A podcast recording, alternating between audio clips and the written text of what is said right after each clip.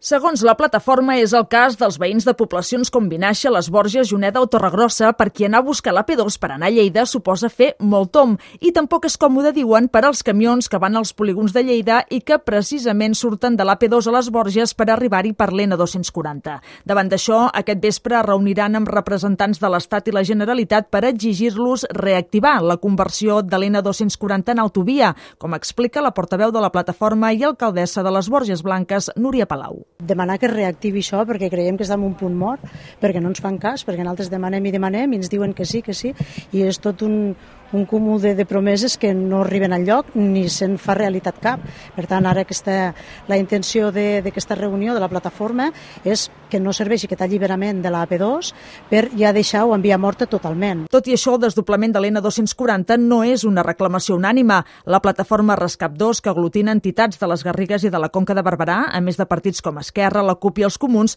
és més partidària d'aprofitar al màxim l'autopista alliberada. Això passa per habilitar-hi més accessos, en concret a Juneda Castelldans, Artesa de Lleida Puigverd i l'Espluga de Francolí. Des de Rescap 2 aposten per millorar la seguretat de l'N240 amb la construcció de les rotondes pendents que no pas fent-hi quatre carrils per la despesa i l'impacte ambiental que suposaria.